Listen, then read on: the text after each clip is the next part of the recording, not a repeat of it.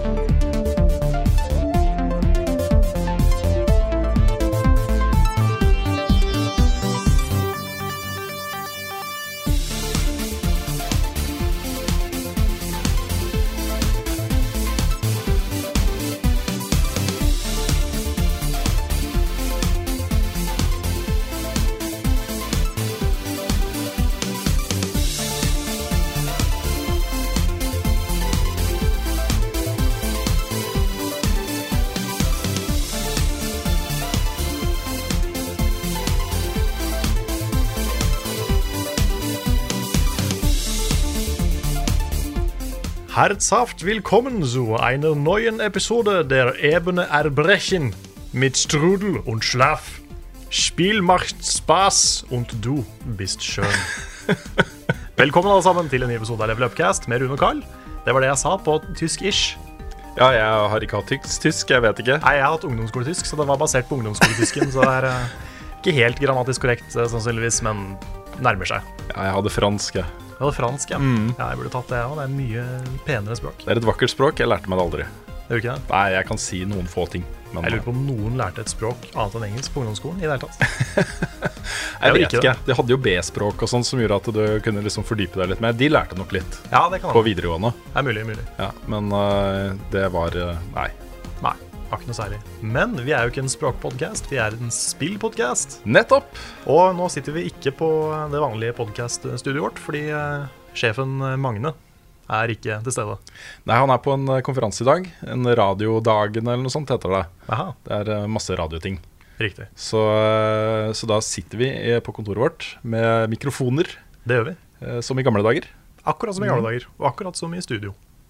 Eh, ja, nøyaktig som i studio, faktisk. Ja. Vi sitter i studio. Vi sitter i studio, i stolene. Det eneste som mangler, er et kamera, egentlig.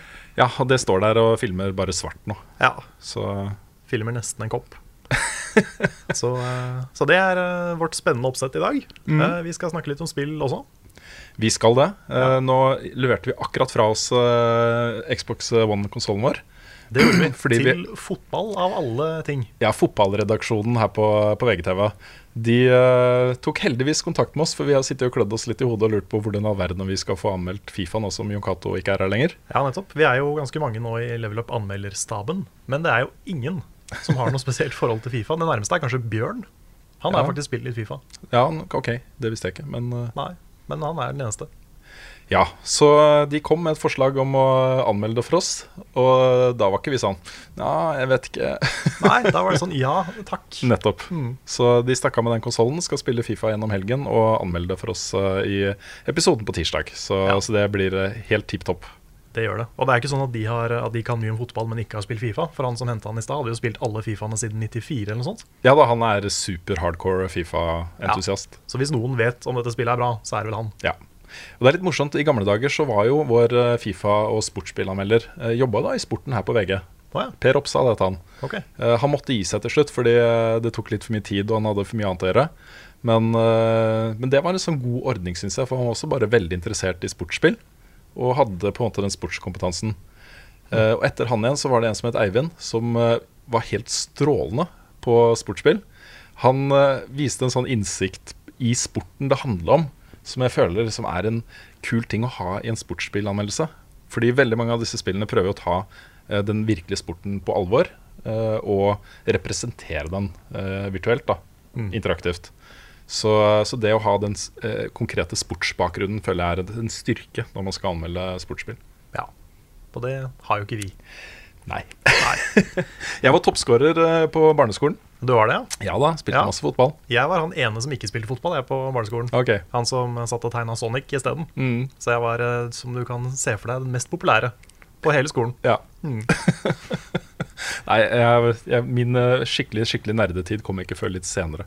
Nei. Nei, min kom veldig tidlig. Mm. Det gjorde puberteten også, for så vidt. Men det, det er en annen podkast. Det tar vi i en annen Det podkast. tar vi en annen podcast. Ja. Ja.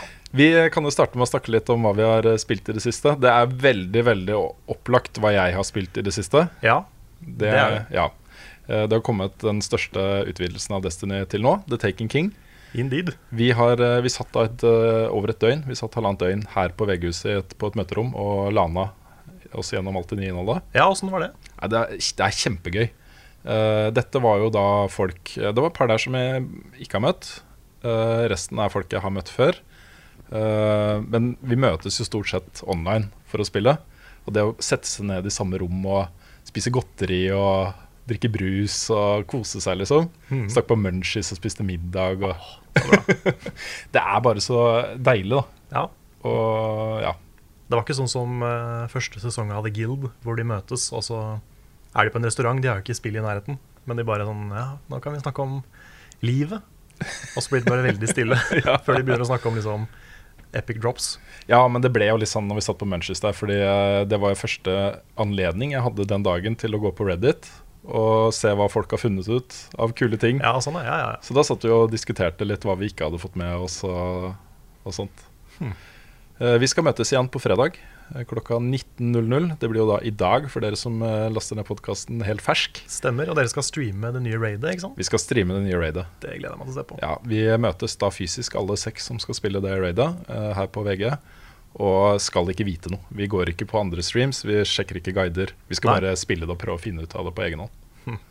Når er det det slippes? Er det klokka sju? Det er klokka 19.00. Det er det, ja. Ja. ok. Kanskje, Så det, det er en viss sjanse for at dere er de første i verden som eh, klarer å ta raidet. Det er bare teoretisk, eh, Karl. Ja, men, det er, men sjansen er der. Sjansen er der. Bare for å ha litt sånn hype words inn i podkasten. Ja, ehm, blir vi de første i verden Ja, som du vil ikke tro Du vil ikke hva som tro. skjer. Vil sjokkere deg. Nei da, men det her sitter det hardcore eh, klaner Ja, som eh, har liksom i ukevis drivet og definert roller og egenskaper og, og, og, og sånt. da det er Forberedt sant. seg liksom mentalt, selv om de ikke vet hvordan raidet blir. At det, ok, vi må ha en som gjør sånn, og en som gjør sånn, og vi må sette sammen. Nei, du må komme deg litt høyere opp i light level. Og ja, ja. de sitter sånn, da. Mm. Og er sånn, du kan se liksom alle musklene i kroppen deres er sånn anspent før klokka 19.00 og bare Å, vi skal bli først! Ja, ja. Vi skal bli Vi har først! sikkert døgna tre dager på rad nå. Ja. Så, så vi kommer ikke til å bli først. Nei, det, du har jo et poeng. Ja. Du har det.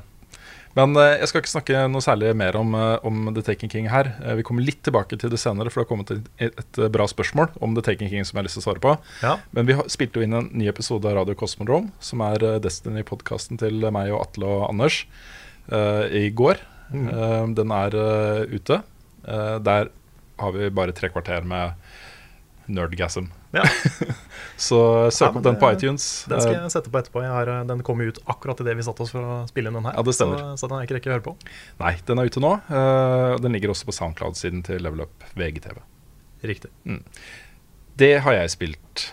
Ja, eh, jeg har spilt Hold deg fast. Eh, jeg satt oppe til eh, klokka halv fire i natt og spilte Destiny the Taken King. Og det, det var uforventa. Men eh, jeg- Uforventa er ikke et ord. Jo, er Nei, det ikke jeg det? tror ikke det. Ikke forventet. U- kan du si. uventet? Uventet er et Uventet, ord. ja. Ok, da. ok da Mister språknazi på den sida.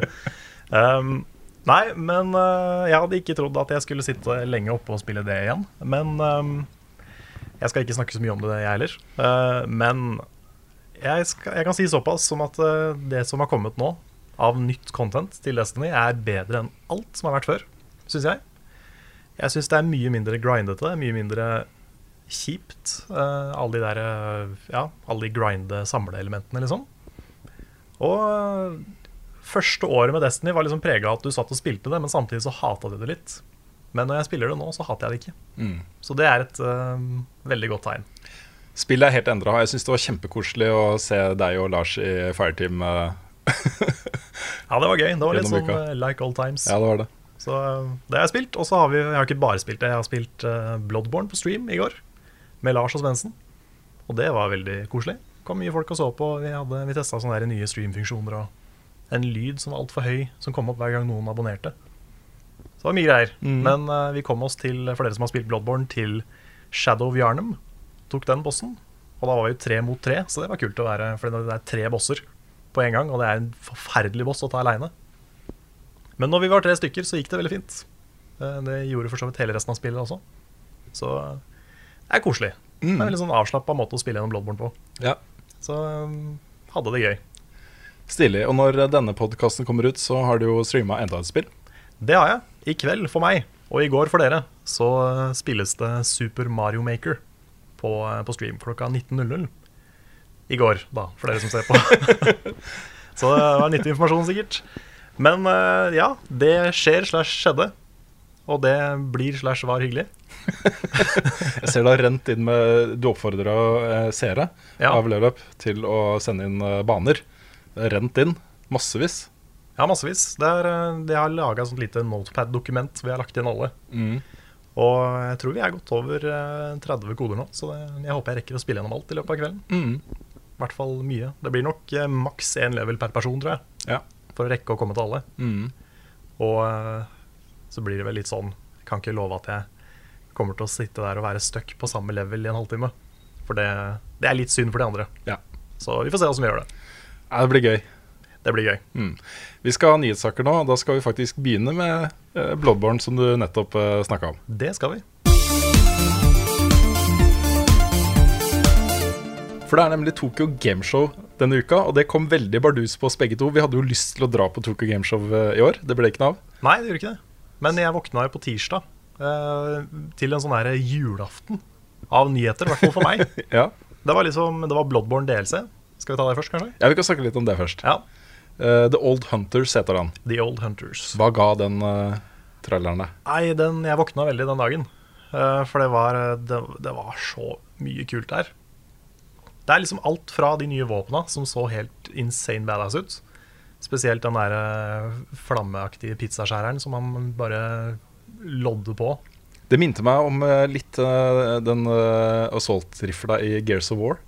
Som er Ja. sånn chainsaw som er uh, kobla til. Det er en decent sammenligning, Det kanskje. er litt sånn eh, tematisk i samme gate. Ja, ja den var veldig stilig. Ja. Og eh, nei, De nye våpna var liksom hovedattraksjonen kanskje i akkurat den traileren. Men det var noen nye områder. Det var noen nye law hint som er litt kule. For det er mye sånne Det er mye sånn tung law om gamle hunters og gamle ting som har skjedd før i Bloodborne. Og eh, det viser seg at det her er det som kommer til å bli utforska litt da, i DLC-en, så det er kult.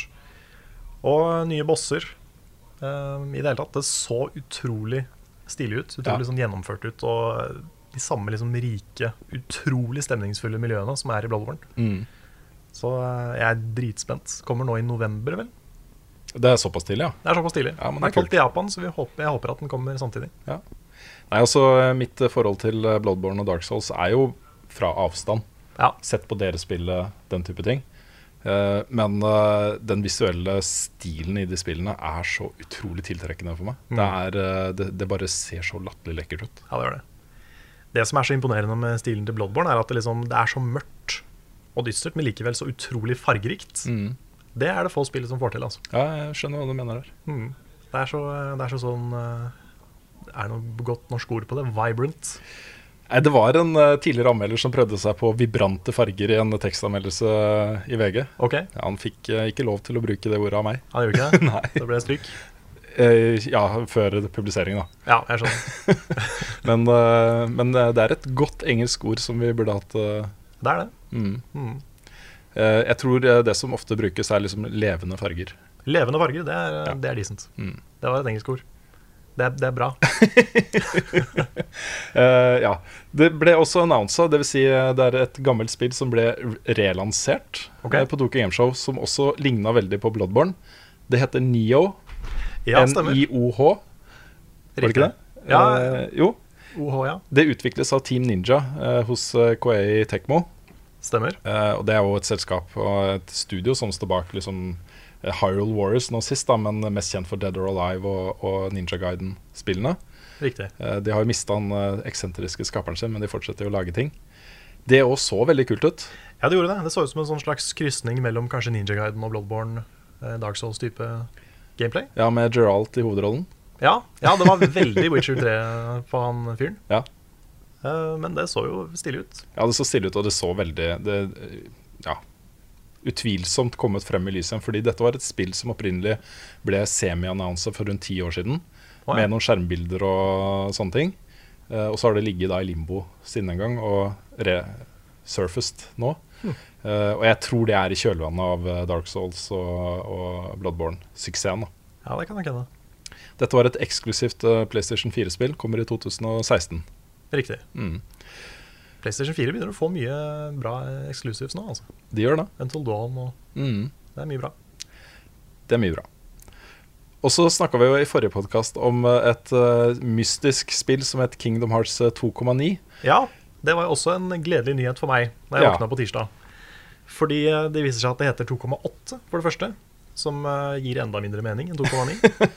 Men eh, det inneholder da Kingdom Hearts 3D, på, som er et 3D-spill, eh, nå i HD på PlayStation 4.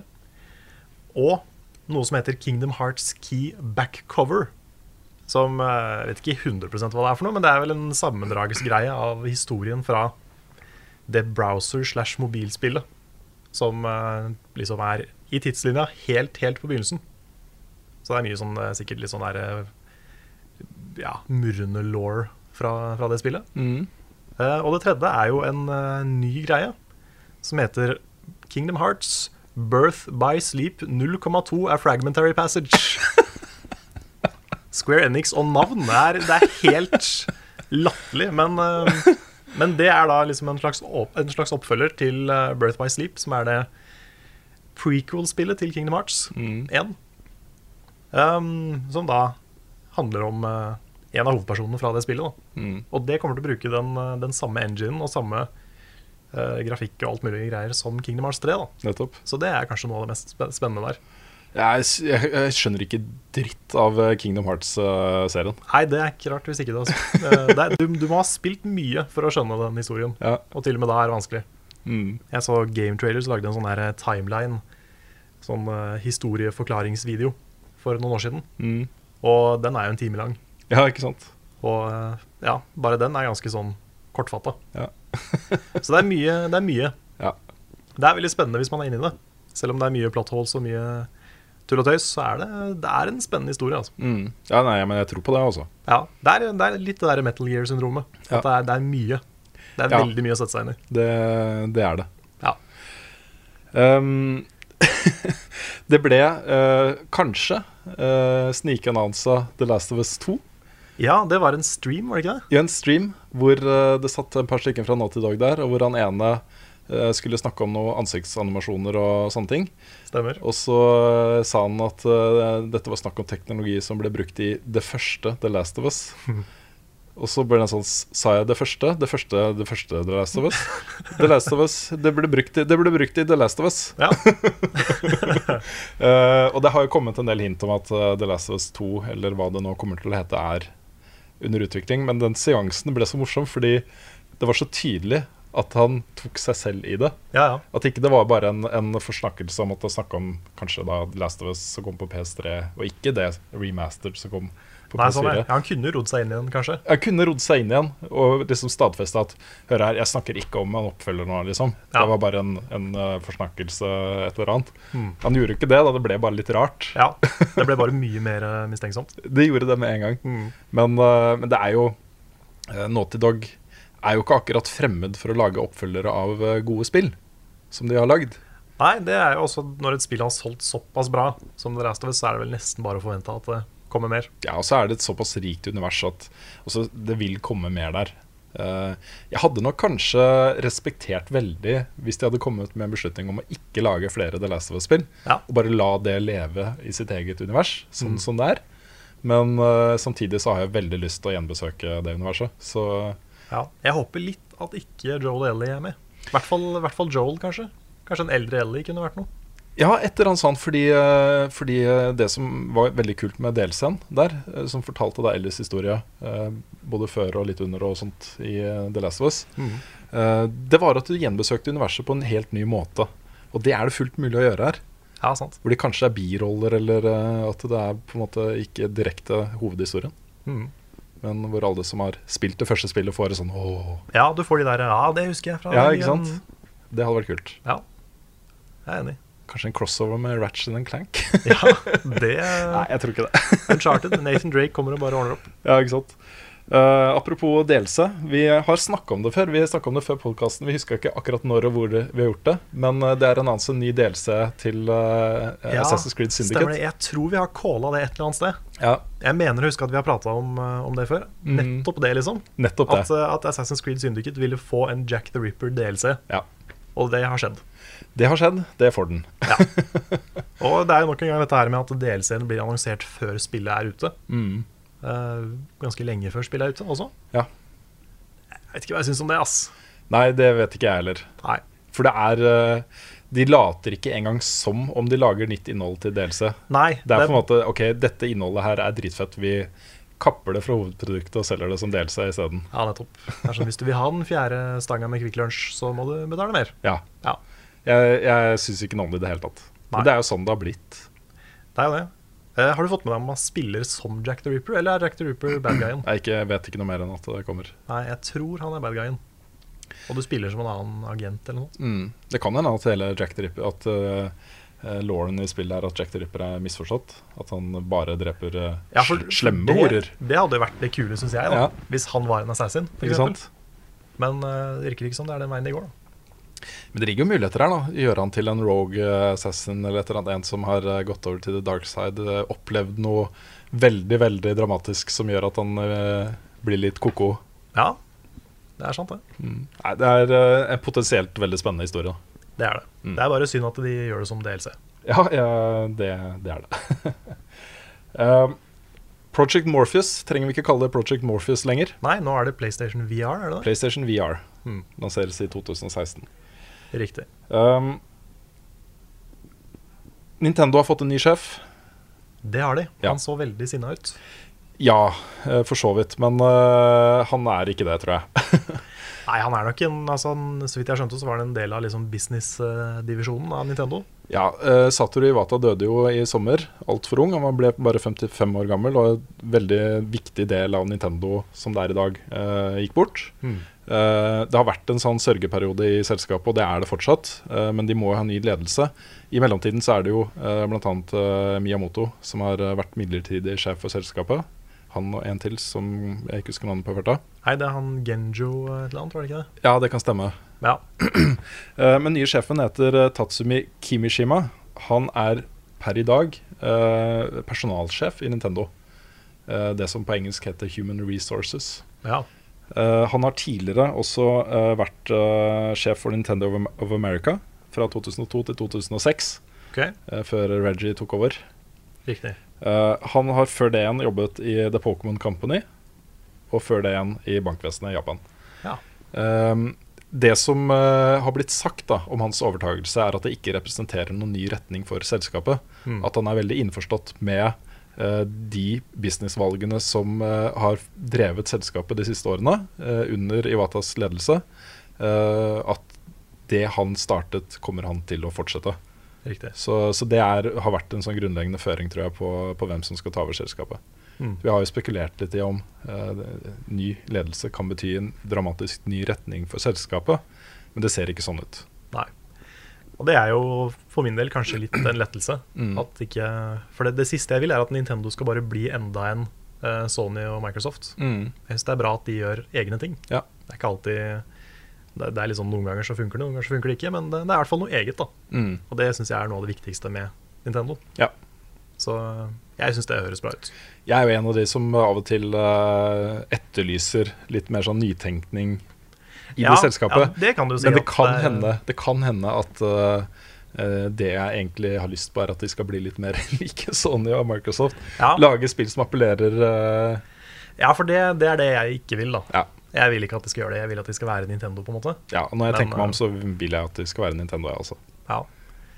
Men eh, det er klart det er mye de henger litt etterpå. Mm. For eksempel, eh, nå, nå føler jeg at jeg klager mye over det, men YouTube-kulturen deres er jo helt på trynet. Ja, den er veldig rar. Veldig, veldig rar.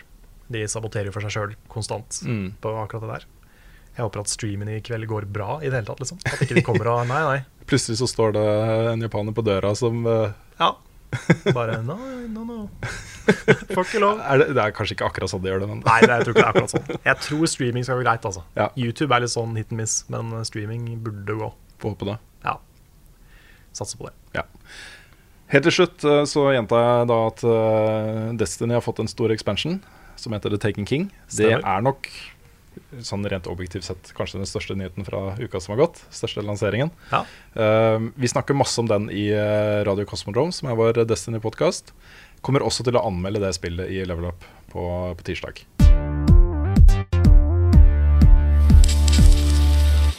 Vi kan begynne med et spørsmål fra Trond Borgersen, også kjent som Sinfor eh, denne gangen. Han har jo spørsmål nesten i hver eneste podkast. Han burde kanskje få sin egen vignett. ja sin egen Ukens- spalte. Ukens Trond-spørsmål. Ja. Et eller annet. Ukens Sinfor. Ukens Sinfor. Det er fint. Eh, Han skriver at denne gangen har han et mer alvorlig spørsmål. Jeg har satt regler hjemme når det gjelder spill med aldersgrense, og ingen av mine barn spør om de kan få se på eller spille voksenspill som eh, GTA 5, Battlefield, CS, Bloodborne osv.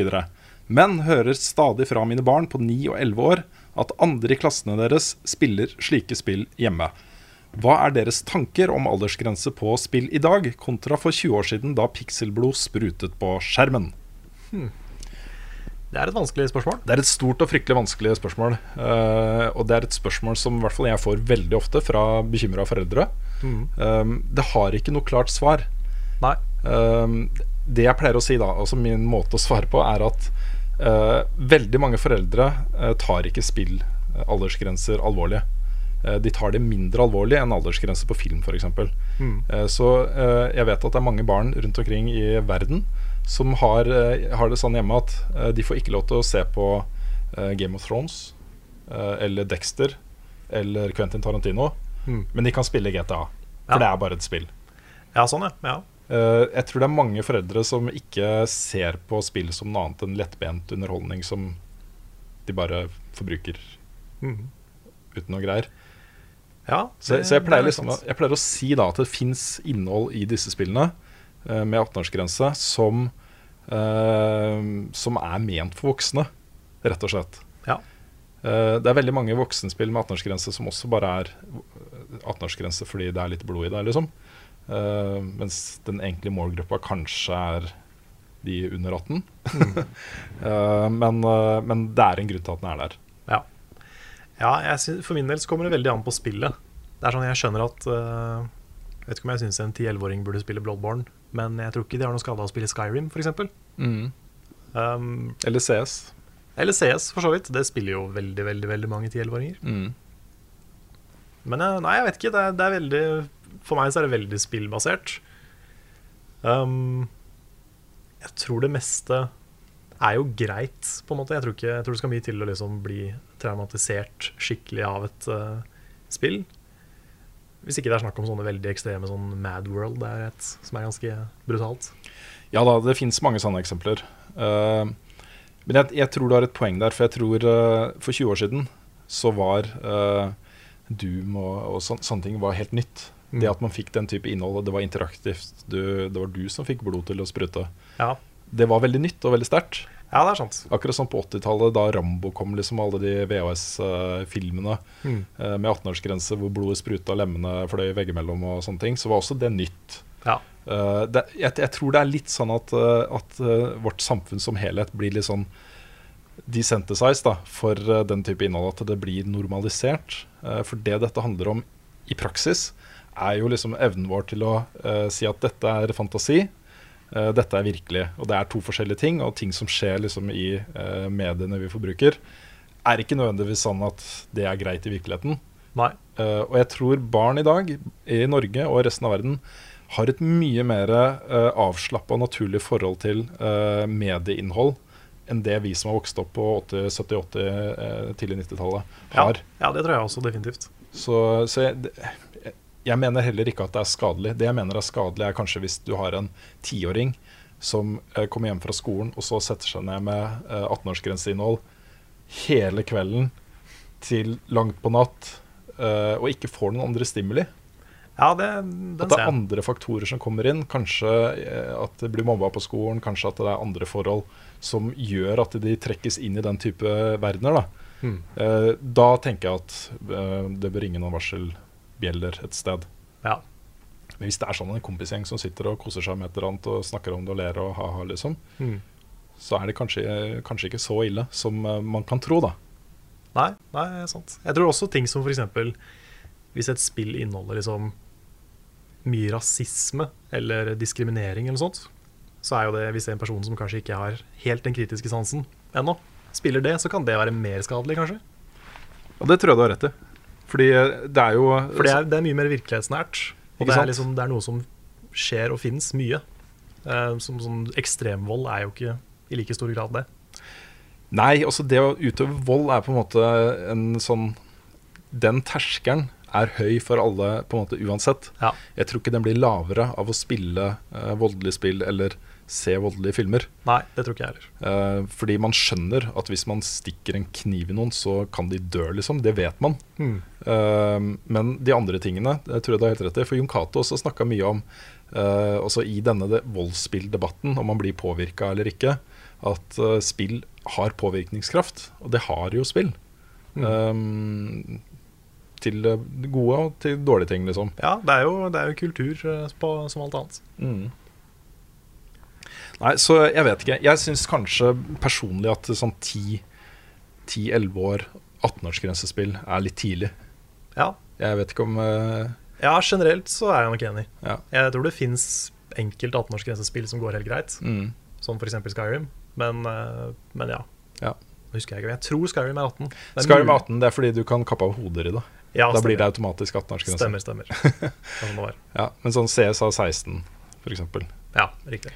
Uh, det er et annet moment her da, som er eh, ganske viktig, og som, eh, som gjør eh, dette spørsmålet mye vanskeligere for foreldre. Og det er at ok, det er sånn i klassen at eh, med 10-11-åringer Alle gutta spiller CS. Du får ikke lov til å spille CS. Du snakka tidligere i podkasten om at du var den ene gutten som ikke spilte fotball. Ja, Det blir litt sånn, ja, altså. Du er ikke så kul da, det er sant, det. Nei. Og det, det er veldig synd. Det var samme med jeg fikk ikke lov å se på South Park når jeg gikk på barneskolen, og det, det var kjipt. Ja. For det gjorde alle de andre. Mm, så Så- du fikk ikke med deg det Kevin in-joken og Eh, Kenny, mener du? Kev, Kenner, Kenner, Kenny, ja. ja, selvfølgelig. Ja, altså jeg, jeg så jo på det litt sånn i skjul. Ja. Jeg må innrømme det. Jeg hadde en liten TV på rommet mitt som jeg hadde på veldig lavt volum. Mm. Eh, Så tok jeg opp på VHS noen episoder. Um, men eh, Nei, det var, det var litt kjipt å være den som ikke fikk lov.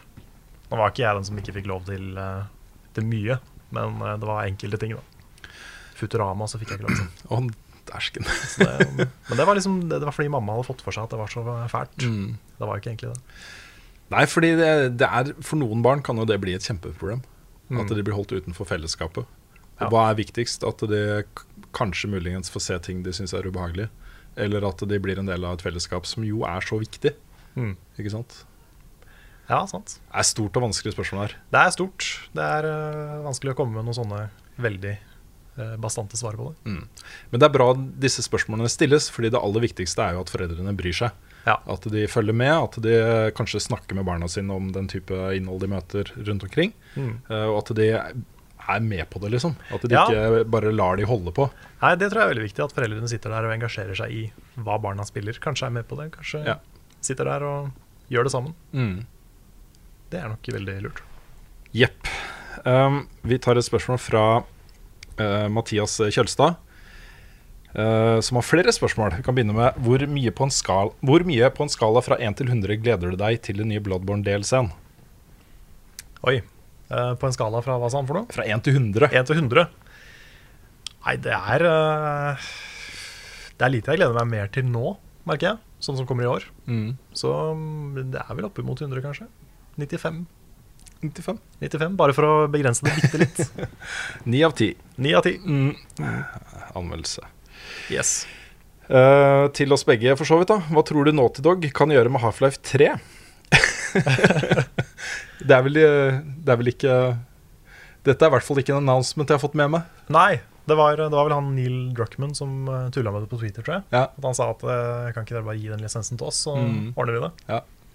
Men eh, det hadde vel blitt, eh, blitt et litt annet spill, kanskje.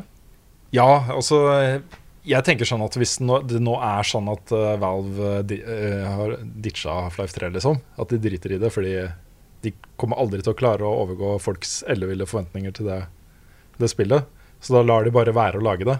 Hvis et alternativ kan være å gi det til et dritbra studio som brenner for å gjøre noe nytt med det, så eh, er jo ikke Naughty Dog noe dårlig valg. Nei, det er sant. Eh, jeg tror helt sikkert de kunne gjort kule ting med, med det universet. Eh, du så jo f.eks. Uh, det nye Devil May Cry-spillet, som jo ble satt vekk fra Capcom. eh, som jo forfriska hele den eh, serien voldsomt. Det var et Kjempebra spill. Ja, sant. Men eh, akkurat når det har fra tre, vet jeg ikke. Nei. Det er liksom den der hellige kua Ja. i, i spillmediet fortsatt. Det er det, altså. Så det er skummelt å gi det til noen andre. Altså. Jeg vet ikke. Jeg vet ikke om jeg hadde turt det hvis jeg var Valve. Nei, men jeg, jeg, jeg tror at skulle de først gjøre det, så, så ville Naughty Dog vært et veldig bra valg, altså. Ja. Eh, Det Naughty Dog er uprøvd på, er jo eh, FPS-biten, som, som er veldig sånn PC-fokusert. eh, Og mod-vennlig og sånne ting. da Mm. Men eh, de hadde nok klart å forstå Source Engine, tror jeg. Ja. Så ja, eh, det hadde vært gøy. Skal vi se her, Vi har fått et spørsmål fra Truls Nordby Olsen. Sett noen bra filmer i det siste? Nei. Ikke? Jeg har, Har- har du jeg har sett ikke- noen film? Jeg har ikke sett noen film i det siste. Nei. Nei, eh, jeg siste jeg så nå, var Inside Out på kino. Mm. eh, på originalspråk. Den var veldig fin, den. Ja. Hadde du sett den ennå? Jeg har ikke fått sett den ennå. Nei. Den, er, eh, den var veldig fin. Den var ikke, jeg jeg forventa at den skulle være litt mer sånn At det skulle være en litt mer sånn der coming of age-historie. Med liksom hva som skjedde inni huet på folk når eh, hovedpersonen kom i puberteten, f.eks. Mm. Men det er litt mer sånn lagt opp til å skje i oppfølgeren. Ok. Eh, men dette her, er- det var, det var en veldig fin historie. Mm. Jeg knakk litt sammen et par ganger. Jeg har hørt Som man mange ofte gjør skryte med- veldig av den. Ja. Pixar, ass. Ja. de, de har en tendens til å få deg til å grine. Ah, apropos, da, så har jeg sett en film i det siste. Den er jo ikke ny. Jeg, så, eh, jeg tenkte ok, tiden er moden. Vi gjør et forsøk. Jeg viser eh, Up til datteren min. Oi, oi, oi. Det endte med at jeg satt der liksom bare sånn tårer i øynene og Mm. sånt og var sånn Pappa, det er så kjedelig. så Uff, ja, nei. ja, den første, de første, det første kvarteret av Up. ja, det er helt grusomt. Det er det. Men det er også noe av det beste jeg har sett på film. Ja, den er veldig bra film. Det er, eh, ja. Den er helt Re- Resten av fantastisk. filmen er sånn bra, men ikke så bra. Men det første kvarteret er helt fantastisk. Og Det er jo et moment der på slutten da, hvor han åpner opp den boka han har fått av eh, Ja, det er sånn. kona sant. si. Det er sant. og se hva hun faktisk har skrevet mm. tegna der og sånt. Det som Ja. Ja, det, det er sant. Det også er ganske heavy. Men eh, jeg syns eh, det der snakkende hundene og sånt, jeg synes det er veldig morsomt. da Det er morsomt. Det er det. Eh, Og så har jeg sett en TV-serie. Ja, ok. Jeg så sesong to av eh, True Detective. Ja, hva syns du om den? Eh, den var stundvis eh, bra, Ok. men eh, for det meste eh, veldig skuffende. Ja, jeg så halvparten av den, Ja. og så eh, datt jeg. Jeg klarte ikke mer. Det er så stor forskjell på sesong 1 og sesong 2 der. Eh, den største og viktigste forskjellen er at jeg tror sesong 1 eh, har vært et sånt hjertebarnprosjekt for eh, han Nick Palerselus. Palais- Ja. Ja. Mm. Eh, at han har gått og grubla på det i mange, mange år, eh, og så fått lagd den. Mm. Eh, mens eh, sesong 2 virker mer som en sånn Åh, vi må lage en ny sesong, hva skal jeg gjøre, liksom? Og så bare ja, så skjer det, og så skjer det, og bla, bla, bla. Rabla ned dialog som ja, ja, det er greit nok. Veldig, veldig dårlig dialog. Kjempedårlig dialog. ja, sant. Det det virker som alle sammen prøver å være en dårligere Matthew McConaughey. Ja, det gjør det. Så, for han var jo det som gjorde sesong én for min del. Ja, det var dels eh, Matthew McConaughey og dels eh, regissøren, som jeg heller ikke husker navnet på i farta. Jeg Nei. burde Nei, det huske er sant, sånne ting. den er veldig, veldig pent regissert. Ja, sånn utrolig hvor mye det har å si også når du ser sesong to. Som eh, bare det at de har filma det med, med mye mer sånn eh, litt sånn glorete high Mm. definition-farger, Ja. kontra den veldig flotte fargekartet som ble brukt i sesong én. Eh, ja, mye dårligere, altså. Ja. ja, det er stor forskjell, altså. Det, nå har jeg ikke sett hele, som sagt, men jeg, jeg, jeg klarte ikke å engasjere meg i sesong to. Nei. Jeg ble ganske engasjert et- etter hvert. Men det er liksom en treer kontra en sekser, liksom. Ja. Så, Jeg syns også det var noen sånne veldig billige cliffhangers. ja. Sånn som, Jeg vet ikke om det er en spoiler, men episode to så skjer jo noe. Som du tenker sånn Shit, Ja. nå forandrer alt seg. Ja, Og så, dette var nei da, kult. Det, nei, så skjedde ikke det. Det var bare, bare tull. Ja. Så ja. Jeg tror ikke det kommer noe True Detec- Detective sesong tre etter den eh, sesongen her. Nei, det er ikke sikkert. Hvis de gjør det, så må de få inn eh, bedre regi og bedre manus, rett og slett. Mm. Så jepp. Jepp, jepp. Marius Bråten eh, spør et spørsmål som er relatert til noe vi har snakka om tidligere i podkasten. Er det innafor at Avalanche presenterer DLC på 25 dollars til Just Cause 3, som kommer om to måneder? Kunne de ikke bare lagt det inn i hovedspillet? Ja, det er litt det vi sa om Ubisoft og Assassin's Creed også. Ja. Det, det er litt sånn bittert Mm. å se at folk eh, annonserer dyr DLC før spillet har kommet. Ja. Det er bare sånn tegn på at her har de tatt ut noe fra spillet som Mm. de skal selge på sida. ja, plutselig så har det blitt en del av, av helhetspakka, liksom. Fordi folk driver og selger Season Pass. Jeg så det har blitt annonsa Season Pass til hvilket spill var det? Fallout? Fallout 4? Ja, Fallout 4 Season Pass. Og de vet ikke engang hva det skal inneholde, men det kommer et Season Pass Mm. som du får noe innhold på. Ja. Det må jo krasje en eller annen gang, det der. Jeg vet ikke, Det altså. er jo ingen som liker det. Nei, men eh, mange som kjøper det. Ja, det er det jo. Det er, Det jo er blodfansen. penga som eh, rår her, liksom. Mm. Så, Ja, så men det er, lenge folk det er den, kjøper derre- den derre superdedikerte fanbasen som kjøper eh, som preorder, som kjøper season pass, som gjør alle de tinga der.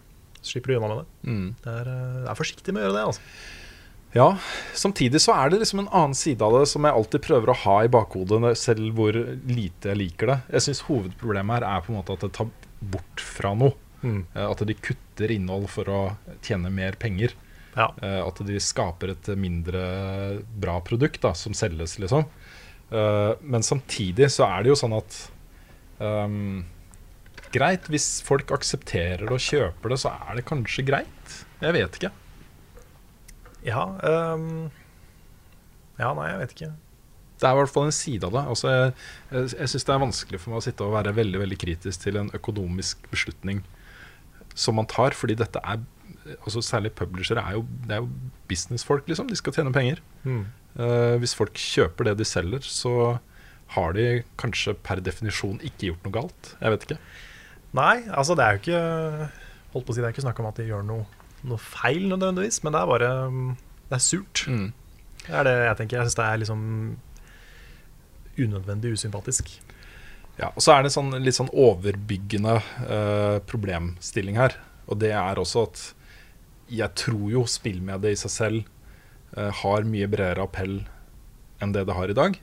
Ja. Og jeg tror liksom det at man må betale 500 kroner pluss kanskje et par 300 kroner på toppen av det for å få det, det hele spillet Det er mye penger, liksom. Det er en terskel for folk som Ja. kanskje er nysgjerrig på spillmediet, men som føler at det ikke er liksom helt komfortable med å bruke så mye penger på noe de ikke er helt sikre på. Det er sant, det. Jeg tenkte litt på det i forhold til eh, Mario Maker, faktisk. At det, hadde, hatt- det kunne hatt så mye bredere appell hvis det var litt billigere. For nå koster jo det full pris. Og det er jo mer et verktøy enn det er et spill, på en måte. Mm. Så eh, det- hvis Mario Maker hadde vært litt billigere, tror jeg kanskje det kunne slått an enda mer. Kunne fått en mye liksom bredere eh, brukerbase. Da. Mm, Det tror jeg du har rett i. Så ja, Kommer nok på tilbud. de gjør nok det. Så da er det bare å shoppe inn. Jakob. Det er jo veldig, veldig bra.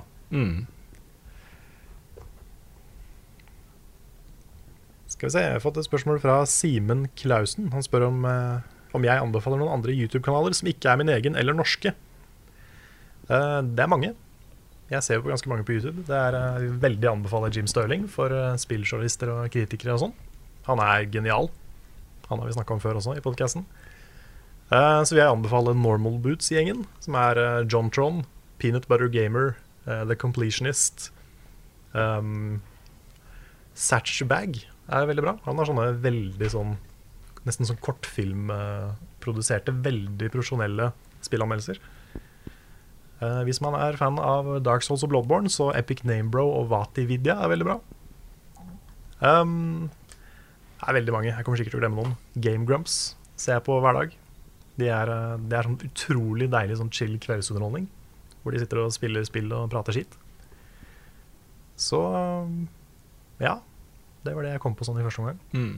Det er sikkert mange flere. Jeg syns det er litt morsomt. Det er en eh, norsk YouTuber som heter Little Big OK, Ok? som plutselig har blitt en av de store navnene i Destiny-sfæren. Aha. Han har blitt liksom featured i community-filmer hos Bungie og Oi. masse subs og Ja, svær, eh, kul eh, fyr. Så Fancy, fancy. fancy, fancy. Ja, Har du noen youtubere du ser på? Eh, nei, jeg, jeg har ikke tid til å se Nei. på så mye annet enn Sånn er det. Sånn er det. Eh, Thomas Pollen Stavik lurer på om level up er en fulltidsjobb for oss, eller om vi har andre jobber ved siden av. Det er et spørsmål vi får ganske ofte. Ja, det er det. Um, Det er eh, i aller høyeste grad en fulltidsjobb. I aller høyeste grad. Vi eh, har jo flere på en måte publiseringsgreier, liksom. Vi har jo en podkast, også denne podkasten. Denne podcasten Vi har en podkast til, vi har en YouTube-kanal, en Facebook-side, og en Instagram-konto, og en Soundcloud-side. og Det har blitt mye greier. Det har blitt mye greier. Men øh, dette er på en måte vårt univers. Level Ja. up er vår greie, det er det vi gjør på fulltid. Det er det. Eh, og så har du på en måte en, en slags fulltidsjobb ved siden av, som er eh, YouTube-kanalen din. Ja, den er jo, eh, det er litt opp og ned hvor mye tid jeg kan dedikere til den. Men ehm, for level up er jo godt og vel en arbeidsuke. Kanskje mer. Ehm, men eh, nei, YouTube-kanalen min er liksom litt sånn eh, passion-hobbyprosjekt ved siden av. Men eh, nå har vi jo i denne sesongen her eh, brukt eh, ting litt mer sånn sammen. Så eh, Lars sin kanal og min kanal er liksom blitt eh, litt mer fletta inn i level up-konseptet. da. Så nå kommer det litt level up-innhold der også.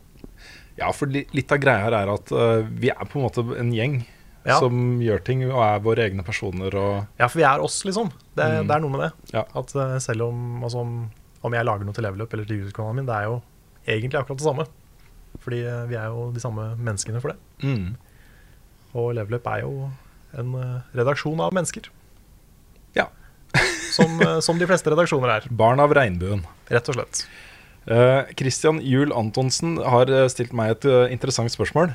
Han lurer på om jeg følte meg tvunget til å gi Metal Gear Solid 5 eh, terningkast 6, ettersom det er gitt alle de andre spillene i serien en sekser. Og det er eh, Det kom også en kommentar, så jeg, på, på videoen vår eh, på VGTV, eh, eller om det var på Facebook, jeg husker ikke. eh, Som var- syntes det var helt ubrukelig å ha en anmelder som var så blodfan av Metal Gear, til å anmelde Metal Gear Solid 5. Ja, den fikk jeg også en gang. Ja, Den, eh, ikke om Metal Gear, men om noe annet. ja, For det første så, så mener jeg det er helt riktig av en anmelder å flagge eh, sitt personlige forhold til en serie når det anmeldes, fordi det er en del av pakka. Ta det med i, i din vurd egen vurdering når du ser en sånn anmeldelse.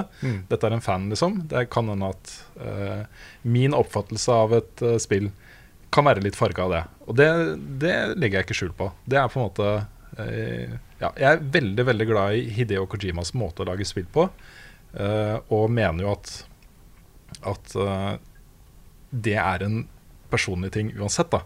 Fordi det er fullt eh, mulig å mislike hans måte å lage spill på, og få en helt annen opplevelse av spillet. Ja. Men det er sånn, hvis du først, hvis du først catcher den greia, liksom, hvis du først eh, blir hekta på hans måte å lage spill på, og hans måte å fortelle historier på og tegne rollefigurer og alle disse tingene, så er det på en måte ba bare i Metal Gear-spillene du får det. Ja, det er sant. og det går jo litt tid mellom hvert spill også, så det er jo ikke sånn at han bare pøser ut Metal Gear-ting og, og sånt. Men eh, når det er sagt, da, så eh, var jo jeg eh, lenge veldig usikker på hvor jeg kom til å havne på når det gjaldt eh, Metal Gear 5. Eh, det er jo et veldig annerledes spill i serien. Den gjør mange ting veldig eh, på nye måter. Eh, Det er mer et sandbox-spill enn et tradisjonelt Metal Gear-spill. Eh, og selv eh, en også I de tidligere Metal Gear-spillene så har jo Snake hatt en ekstremt sentral rolle. Han har babla i vei hele fuckings tiden med masse lange dialoger og sånt. Ja, for her er den litt mer sånn stille protagonist, ikke sant? Ja, for eh, en av nøkkeltingene eh, designmessig med et sandbox-spill er jo at eh, hovedpersonen ikke betyr så mye. Det er spillernes egne handlinger som skaper ting, ikke sant. Eh, og hvis han hadde babla konstant om alt mulig rart og rare samtaler og sånt, så, så ville det tatt bort fra den følelsen av å være liksom en herre over dette universet, ikke sant. For det er det som er greia. Du går inn i disse store, åpne verdenene, og så har du et oppdrag, og så kan du løse det på den måten du vil. Og her har du en hel haug med hjelpemidler som kan få deg til å gjøre det på kule måter. Det er liksom det spillet er, da. Ja. Eh, og jeg mener jo helt oppriktig at som sandbox-spill så er det ingenting jeg har spilt som eh, har vært like bra. Og det var derfor det fikk en sekser, ikke fordi det var et Met- Metal Gear-spill. Nei. Altså synes jeg, jeg må jo si det i fare for å høres litt eh, krass ut, jeg synes det at eh, en fan ikke burde anmelde et spill, det er et dritdårlig argument. Fordi det er en grunn til at man er fan. Man er, Mm. Nettopp. man er ikke fan bare fordi man er fan. Det er, jo- det er fordi spillet er bra. Det er fordi man syns spillet er oppriktig bra. Ja, det er eh, helt riktig, Carl. Og eh, det er uten tvil eh, de tidligere Metal Gear-spillene har vært eh, blant de aller største spilleopplevelsene jeg har hatt, eh, hver for seg. Ja. Jeg føler jo også at liksom det argumentet Det går litt inn på det der at anmeldelser skal være objektive. Mm. Men de er jo ikke det. Nei, det er ikke Det det. er ingenting objektivt med en anmeldelse. Det er en mening. Mm. Så det er viktig å være klar over. Yep. Uansett hvem man ser på, så er det, det er ikke noe som heter objektive anmeldelser. Ikke i det hele tatt. Så, så jeg står i, eh, godt innafor eh, innenfor den sekseren. Jeg, me- jeg, mener, jeg står for den. Jeg syns det er en riktig score, da. Eh, og jeg tror kanskje du uh, isteden vil se rundt omkring uh, blodharde Metal Gear-fans være veldig kritiske til Metal Gear Solid 5, fordi det ikke er som alle de andre spillene i serien.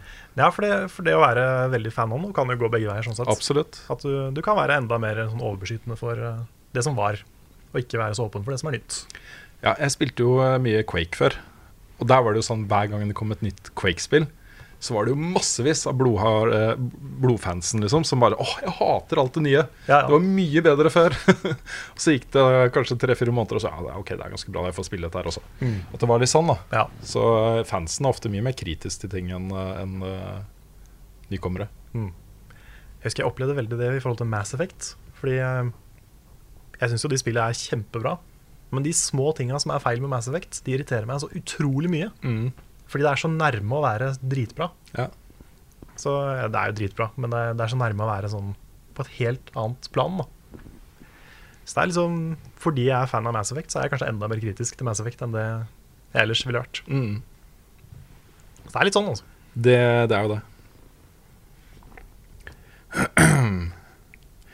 Jeg kan ta et Metal Gear-spill eh, spill, sier jeg. spørsmål til, kanskje. Ja, Fra kjør på. Ole Magnus Nord Johansen. Halla! Mossing, sannsynligvis. Eller i hvert fall fra Østfold. Ja. Må, man ha, må man ha spilt de andre Metal Gear Solid-spillene for å kunne kose seg med Phantom Pain? Eh, nei, Nei. det må du ikke. Eh, jeg har vel vært inne på det, og jeg var vel også inne på det i anmeldelsen, hvis ikke jeg husker det feil. Men det er sånn man får mer igjen for det hvis man eh, har spilt de andre spillene før. Fordi eh, Hideo Kojima har eh, på en måte lagt opp til at eh, selv om dette foregår f eh, tidligere i tidslinjen i forhold til da eh, de spillene som, som kom først, så, så er det ting som skjer i dette spillet som er såpass knytta til det som kommer etterpå, at det blir en sånn omvendt aha, hvis du skjønner. Ja, jeg skjønner. Um, og det er mange kule ting å oppdage og oppleve i disse spillene hvis man har spilt, eh, spilt de før. Eh, uten tvil. Men samtidig så er det på en måte eh, Historien er ikke konkludert. Dette kapittelet her kommer jo midt i tidslinjen. Eh, det er to spill som er på en måte før i tidslinjen, og så er det eh, tre spill som er eh, etter. Mm. Um, og da inkluderer jeg eh, Peace Walker, som var et PSP-spill, var det ikke det? Eller var det Vita? Jo, det kan stemme at det var PSP. Eh, som er canon. Eh, men det er liksom sånn, hver gang noen spør, stiller det spørsmålet, så pleier jeg å si at har du muligheten til det, start med Metal Gear Solid 1. Og så spiller du det kronologisk etter den rekkefølgen de kom i. Fordi det er eh, Ja. De tingene som er med his- his- historiemessig i de forskjellige spillene, er kulere hvis du har eh, spilt eh, de andre tingene før. Skjønner. Ja, for jeg har, vi fikk jo eh, Metal Gear på kontoret. Fikk jo to eksemplarer. Så jeg tok jo med det ene hjem og vurderte å begynne å spille det. Ja. Men eh, jeg vet ikke om jeg burde spille den andre først. Altså. Det, er, det er litt sånn driver og vipper mellom det ene og det andre. Det er jo eh, en av tidenes beste spillserier. Og Jeg burde jo gjøre det uansett. Ja. Og med dette kapitlet her som den endelige siste biten av puslespillet i Metal Gear Sagaen, liksom. Ja. Så det å på en måte starte nå og vite at Det blir liksom som om Game of Thrones skulle vært ferdig skrevet, ikke sant? Og sette Ja. seg ned med hele serien. Ja, sant. Og det har holdt seg. Det har holdt seg bra. Jeg spilte jo nylig Metal Gear 1. ehm, Metal Gear Solid 1. Ja. Det er kult å spille. Man må liksom venne seg til at det er gammeldags. eh, Men hvis man først gjør det, så er det dritfett. Ja, ja nei, det, jeg, jeg har liksom tenkt at liksom til sommeren så skal jeg begynne å spille det. Eller til vinteren eller til jul. Men eh, jeg må bare finne en dag og sette meg ned og gjøre det.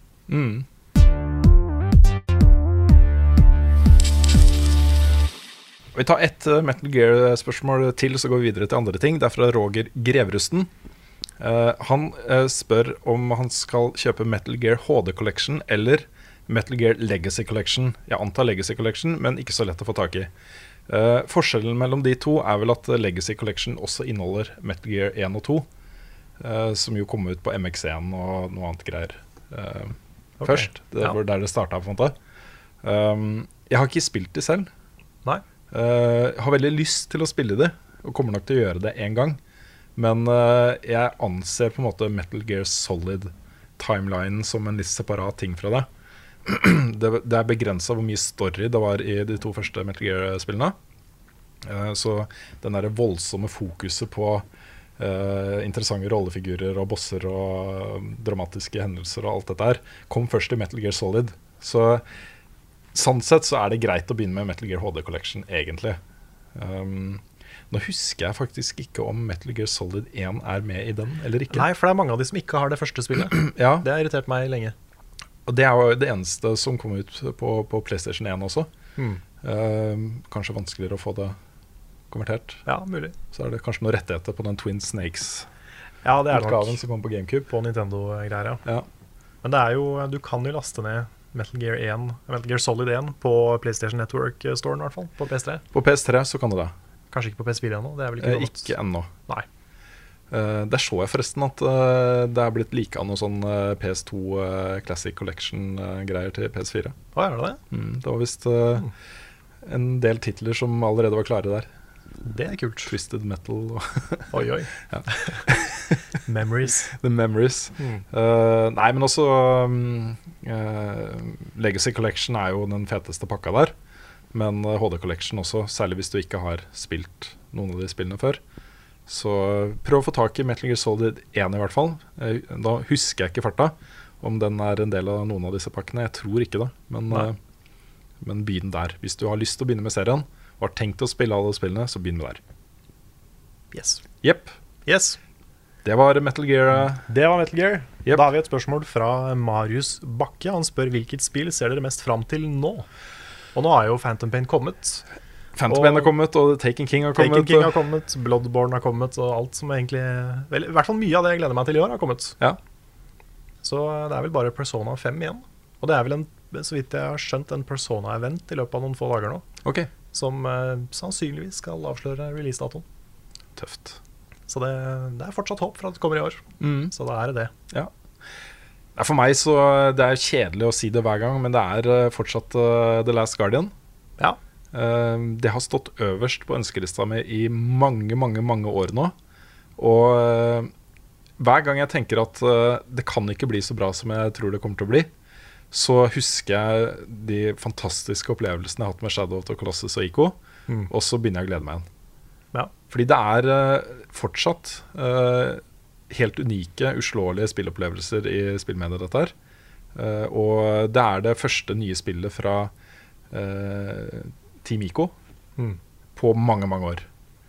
Så Ja, det er har de på- laga noe siden Shadow of the Colossus? Nei da, det er eh, Sitter og pusler bare med dette. Ja. ja, det Spennende.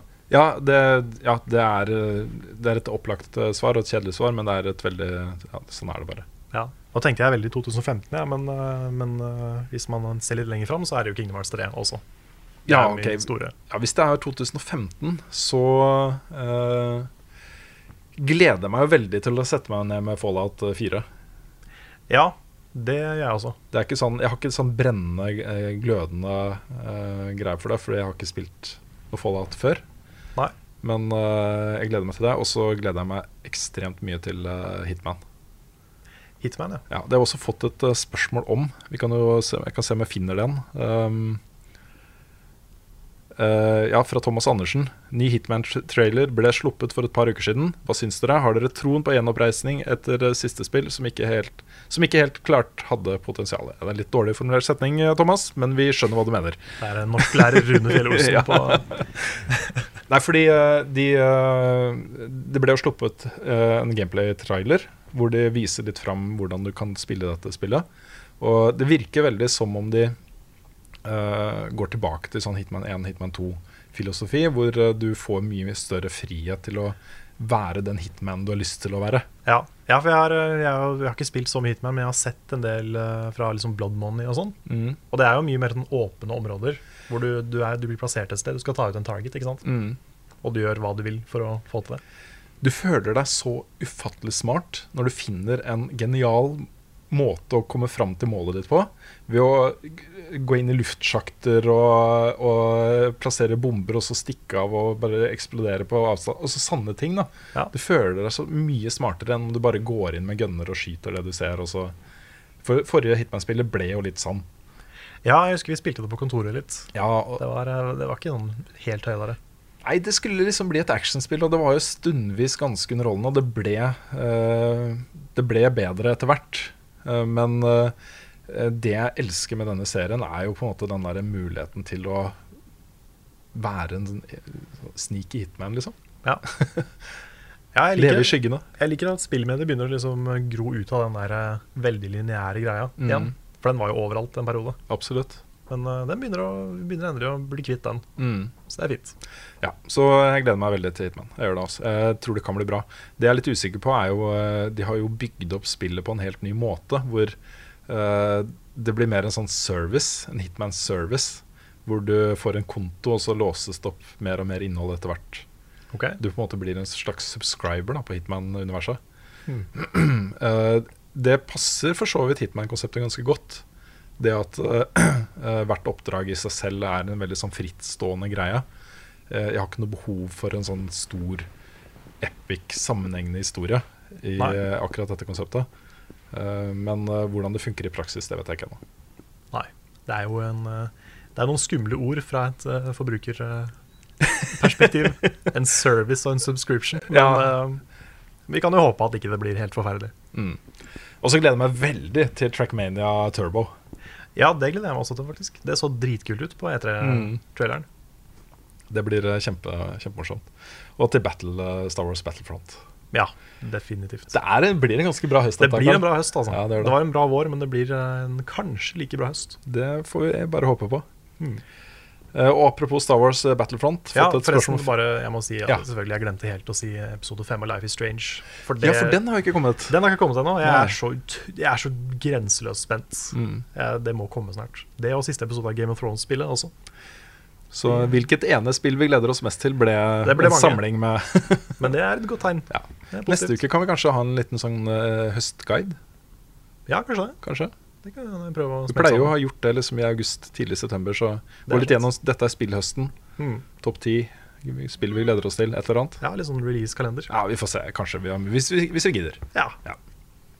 Eh, Men da tar jeg spørsmålet. Det er fra Simen Meisdal. Må bare stille et spørsmål til. Nå er det ikke lenge Det er capslock alt sammen dette her. da. OK, det er såpass. Nå er det ikke lenge igjen til Star Wars episode 7 har premiere. Er dere like gira som meg? Sånn. Ja. Jeg er jo altså Star Wars er en sånn ting som er Som alltid er veldig gøy når det kommer. Mm. Men eh, jeg prøver ikke å hype meg for mye opp på forhånd. Så jeg, kommer til å, jeg skal være der når den kommer. Ja. Og jeg skal se den. Men jeg prøver å liksom holde meg litt i sjakk foreløpig. Jeg er superhyped. Jeg er heller ikke sånn der Die Hard Star Wars-fan, eh, når det er sagt. Nei. Jeg, s- selvfølgelig har jeg vokst opp på Star Wars og elska jo eh, de første filmene og eh, hadde figurer og alle de tingene der, liksom. Så jeg er veldig glad i Star Wars-universet, men jeg er ikke jeg, jeg tror kanskje episode 1, 2 og 3 tok litt bort fra mi- min lidenskap for serien, da. Men jeg har ikke lest bøkene, jeg har ikke gjort alle de tingene der, liksom. Det jeg er gira på her, er JJ Abrams eh, og hans eh, hva skal man si, lidenskap for å skape sånne der feel good, epic, eh, store kinoopplevelser, liksom. Ja, det er sant. Og jeg digga jo f.eks. Super 8, som jeg så på kino. Jeg syns den var helt fantastisk. Ja, den har jeg ikke sett. Eh, den har fått veldig blanda mottakelse. da. Det er mange som syns den var litt teit, men den var litt sånn throwback til gamle Indiana Jones-filmer og Star Wars. Og t filmer som var liksom så store, og det skjedde så mye, og fantastiske scener og alt dette her, liksom. Jeg, jeg tror jeg kommer til å kose meg med den her, altså. Ja, Gleder meg veldig.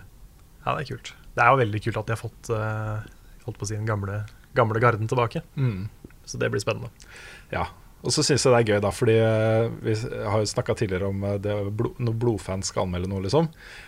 Og Star Wars-fansen er noen av de mest nådeløse i dette universet. Hvis ikke Star Wars Episode 7 blir bra, så kommer eh, alle til å høre det, liksom. Ja, det er skummelt for JJ Abrams hvis, eh, hvis det går i dass. Ja, Det er jo allerede etablert hva kallenavnet hans for resten av livet kommer til å bli hvis han feiler. Ok. JJ Binks. Oh. Det er ikke et navn man vil ha, altså. Nei, det er ikke det. Nei. Nei, men jeg, herregud, å, jeg gleder meg veldig. Hmm. Nå mista jeg alle spørsmålene her, så hvis du har et eh, tilgjengelig Ja, det har jeg ikke, for jeg mista det, jeg òg. Ja, jeg fant det tilbake. Det er bra. Eh, Vetle Aasheim Holt eh, skriver Tony Hawk kommer tilbake. Deres tanker. Jeg gleder meg veldig. Ja. For det er en, eh, det er en sånn back to basics eh, Tony Hawk-greie. Eh, Tony Hawk 5, er det ikke det? Sånn Jo, Extreme Skater eh, jo, 5. det blir det. Ja. det Jeg håper det blir bra, altså. Det- Jeg syns de eh, De var inne på noe når de ga ut Tony Hawk HD, men eh, det var ikke i nærheten av polish nok. Fysikken var bare rar. Og det var, eh, det var liksom dår- et dårligere spill enn originalene. Men hvis de, hvis de nailer det nå, og lager et spill som har en litt samme designfilosofien som de gamle, så kan det bli dritbra.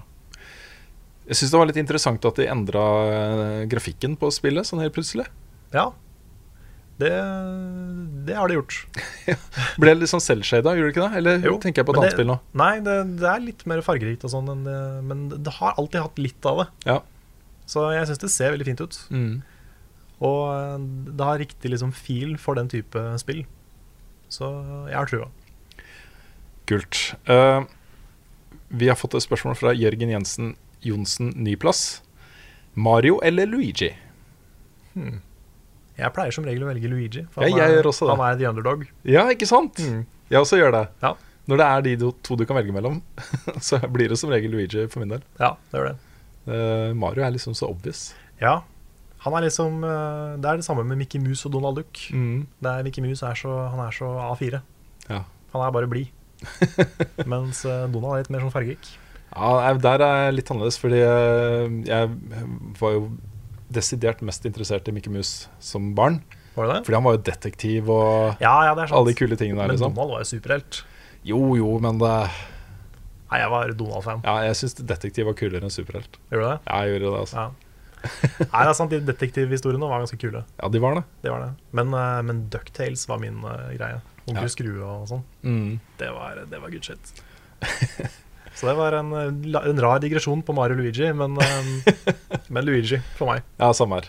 Eh, og så har jo Vi kommer jo aldri til å glemme Luigi Death Stare. I, eh, New Nei, Mario det er Kart. sant. Har du sett den der eh, final smashen hans i Super Mario eh, Nei, i Super Mario, sier jeg. I, i Smash Bros. Brawl. Nei. Det er noe av det rareste jeg har sett. Ok. Det er sånn her eh, rar arabisk dans som eh, lager sånn blomster på huet. Det er kjemperart. Det er, Luigi er en bisarr figur. Altså. Mm. Det er mye rart der. Ja, det er det. Eh, og så er det ikke minst også Luigi, Luigi's Mansion-spillene dritbra. Det er sant. Eh, vi tar et siste spørsmål. Eh, det er et Destiny-spørsmål, så hvis du føler du har fått eh, nok ut av denne podkasten og ikke er eh, interessert i Destiny, så kan du eh, logge av nå. OK, Ha det bra. ha det bra. Takk for at du hørte på. Ja. Nei, men spørsmålet er eh, veldig relevant. Ja. Eh, Det er fra Stig Gjøran Furu. Eh, Han sier han har vurdert å anskaffe seg Destiny nå som han får hovedspillet og alle utvidelsene i én pakke. Er det vits å hoppe på Destiny-toget nå, eller blir man bare hengende for langt etter? Liker i hovedsak raidi- raiding, skriver han. Ja, Og det er et, det er et godt spørsmål, eh, og et veldig relevant spørsmål, fordi det de har gjort nå med innholdet, er jo å eh, eh, bygge det opp på nytt. De har all, alt det tidligere story-innholdet er questifisert, eh, sånn at man går inn og så velger man en quest som er liksom eh, originalspillets historie, og så kan man følge den til completion, og så går man videre til neste quest. Eh, levelinga er endra. Så du, alt XP du får, går rett på levelinga di. Eh, selv etter level 20. Før var jo level capen 20, og så ble det light etter det. Mm. Eh, så du kommer deg til level 40 bare ved å spille storyen. Eh, og du får da gradvis tilgang til Walt of Glass, til Crotoradet, til alle de kule tingene som har kommet i spillet underveis. da. Eh, så jeg mener jo helt oppriktig at det spillet som er der ute nå, Destiny, sånn som det eksisterer i dag, er eh, noe helt annet enn det det var da det kom for et år siden. ja. Det er Ja. en sammenhengende pakke som det er fullt mulig å starte på i dag. Og det tar, vil jeg anslå, et sted mellom 15 og 20 timer og bli level 40. Bare ved å spille storyen. Mm. Ja, jeg er helt enig nå. At nå og nå er det så, altså Min store ting var at det var lite content. Eh, nå er det jo mye, mye mye mer content. Så hvis du, hvis du skaffer deg Destiny nå, så har du mye å gjøre framover. Og det, det er et bra spill. Mm. Et veldig bra spill. Du kan nes- høste fordelen av at eh, sånne som meg har betatesta dette spillet et år. Ja, nettopp. For at det skal bli det Destiny er i dag. Jep. Nei, for det Destiny som er ute nå med The Taken King, er det Destiny burde være for et år siden. Burde Ja, ha det vært er helt for et år siden. sant. Det er, det, det er dette her Destiny burde vært hele veien. Ja. Det er et, eh, en sammenhengende historie eh, og ufattelig mye content. Veldig mye innhold. Mm. Så ingen problemer med å starte i dag. Og Jeg, t- jeg, jeg tror jo at på en måte den, de forventningene folk hadde til Destiny før det kom, kontra eh, det Destiny var da det kom, jeg tror det kommer til å snu litt nå. Fordi nå, er- nå nærmer Destiny, Destiny seg det som Bunchie sa det skulle være. ikke sant? Mm. Eh, og da er på en måte eh, Da kan folk kritisere meg så mye de vil for at jeg fortsatt digger det spillet. Eh, vi diskuterer ikke den samme tingen lenger. Nei. Det som eh, folk har vært negative for, det gjelder ikke lenger. Nei, Nei det er sant. Det er, eh, det er denne derre hat, eh, hatelementet når du sitter og spiller Destiny, det er borte nå, i hvert fall for meg. Ja. Og det, det har mye å si. Så nå Mm. er, eh, hadde, jeg, hadde Destiny vært sånn da jeg begynte å spille det, så hadde jeg kanskje vært like ekta som deg nå. Det kan tenkes. Mm. Muligens. Jeg, jeg, det er jo 18 millioner mennesker som har kjøpt Destiny det første året. Eh, mange av de har forsvunnet. Veldig mange av de har forsvunnet. Men eh, jeg tror mange kommer tilbake nå. Mm. Jeg tror, jeg tror det her kommer til å bli veldig stort. Det sier Det jeg ikke er- bare fordi jeg spiller det mye, men jeg, Nei. jeg tror det helt oppriktig. Jeg tror det. Så hvis folk får med seg hvor mye som har blitt bedre, og som er annerledes, og som er nytt nå, så det er mye bra der nå. Mm. Ehm, det var en ting til Jo, han nevnte at han eh, var veldig glad i raiding. Og Ja. Det er jo et moment som alle bør få med seg før de anskaffer Destiny. Det er at spillet blir så mye bedre hvis du har noen å spille med. Ja, uten tvil. Ikke spill Destiny aleine. Nei. Det fins verktøy der ute for de som ikke har venner som spiller Destiny. det er en som heter eh, eh, The 100, altså The, tallet 100, Ok. punktum IO, eh, som er en sånn eh, Du kan gå inn og enten lage din egen gruppe eller bli en del av grupper med folk som ser etter folk å spille sammen med. Eh, du har Destiny Norge og Destiny Norge 18 pluss på, på Facebook. Ok. Eh, hvor det er tusenvis av medlemmer. eh, hvor det er mulig å s- be om hjelp til Nightfalls og raids og alt mulig rart. Eller å bli med andre som søker folk å spille med. Ja. Så bare gjør sånne ting. Finn noen å spille med. Etter hvert så finner du noen du liker å prate med, og så blir dere venner på PC-en, og så kan dere avtale ting direkte. Hmm. Men det er helt essensielt. Altså. Blir det bedt i hverandres brylluper og alt mulig. Ja, men det, jeg har fått mange nye venner gjennom eh, det spillet her, altså. Ja, ja. Da jeg begynte å spille Destiny, så hadde jeg en venneliste på PC-en med én eller to personer. Ja, det tror jeg skjer med, det skjedde med min venneliste òg. På Ja. PS4. Det bare fortsetter å vokse. Ja, det gjør det. Så ja. Nei, men Det er definitivt best som en sosial opplevelse. Mm. Uten tvil. Jepp. Og med det så tar vi vel sluttstreken for eh, denne podkasten. Det gjør vi, kan man si det. Og ta sluttstreken. Eh, nei, nå arresterte du meg. Ja, der fikk jeg muligheten til å ta litt grann hevn på slutten av podkasten. Ja, det føles det godt, eh, Karl. var veldig, veldig deilig, det. jeg er fornøyd. Men, eh, men ja, da, da setter vi en strek for Bare for å gni det litt inn. Men eh, tusen takk for at dere hørte på. Det er veldig hyggelig at dere, at dere er med oss når vi prater skit om spill såpass eh, lenge som vi gjør. Mm. Så eh, ja, ses vi på tirsdag. Det gjør vi. Og på stream, det vil si dere, vi så hverandre på stream på torsdag kveld. Og ses kanskje, eller de- dere ser kanskje Rune I, i kveld. i kveld. Fredag kveld. Fredag kveld Ja. på Raid. Raid, ja. Yes. Mm. Det er en sånn med tid og sånn er ikke så lett. Nei, det er ikke det. Det føles nesten som jeg er en liten tidsmaskin. Ja, det gjør det, altså. Men, eh, men ja, følg med på streaming, for det, det skjer mye streaming Ja, framover. det gjør det. det har skjedd utrolig mye denne uka her også. Absolutt. Det er gøy. Kjempegøy. Ja, vi eh, høres. Vi høres.